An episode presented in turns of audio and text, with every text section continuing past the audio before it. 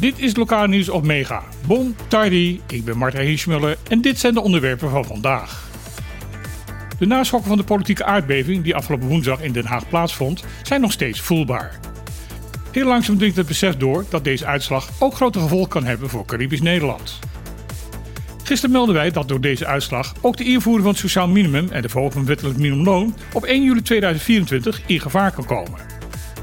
Dit omdat de nieuwe minister van SZW de in oktober aangenomen motie Wuiten Seder kan gaan negeren of dat in de nieuwe Tweede Kamer de noodzakelijke wetwijzigingen voor het invoeren van het sociaal minimum worden afgestemd.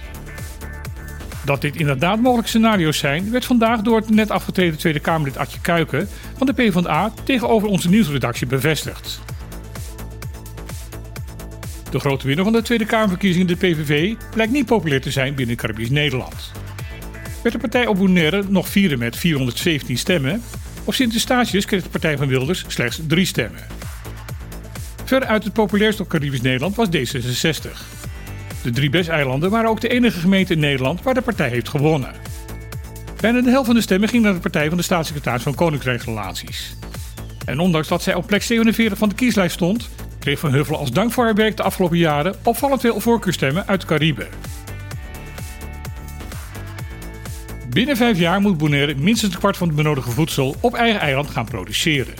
Dat is de visie van Maurice Adriaans, directeur van de afdeling Landbouw, Veeteelt en Visserij.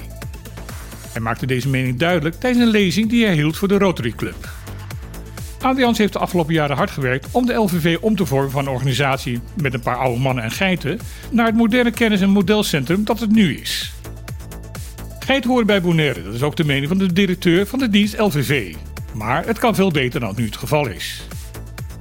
Het LVV is druk bezig om de oorspronkelijke geit van Bonaire te kruisen met soorten die veel meer vlees opleveren. Dat project is redelijk succesvol, maar Adriaans heeft nog een advies aan de geitenboer op Bonaire. Volgens hem kunnen de boeren op het eiland veel beter schapen gaan telen. Dat levert veel meer vlees op, daarnaast kun je ook nog de wol verkopen en de schapen zijn veel makkelijker te houden dan die eigenwijze geiten. Van 28 november tot 7 december zal Bonaire er wat groener uitzien dan normaal. Dan oefent namelijk de 44e landmachtcompagnie op het eiland. Het doel van de oefening is bekend raken met de omstandigheden en omgeving van Bonaire en samenwerken met de lokale autoriteiten en hulpdiensten op het eiland. Daarnaast zal de manschap van de compagnie ingezet gaan worden voor goede doelen en gemeenschapsgerichte activiteiten. De faciliteiten en terreinen van scoutingvereniging Con zullen gedurende de oefening gebruikt gaan worden als bivaklocatie. Volgens de weersdeskundige zou Bonaire zich moeten op kunnen maken voor een weekend met rustig weer en veel zon. Daarbij heeft ook de wind weer de kracht en de richting die normaal is voor ons eiland. De middagtemperatuur zal de komende dagen tussen de 28 en 30 graden gaan liggen.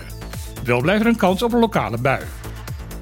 Of deze voorspelling ook echt gaat kloppen en we inderdaad een mooi weekend gaan krijgen, ja, dat weten we pas aan het begin van de volgende week.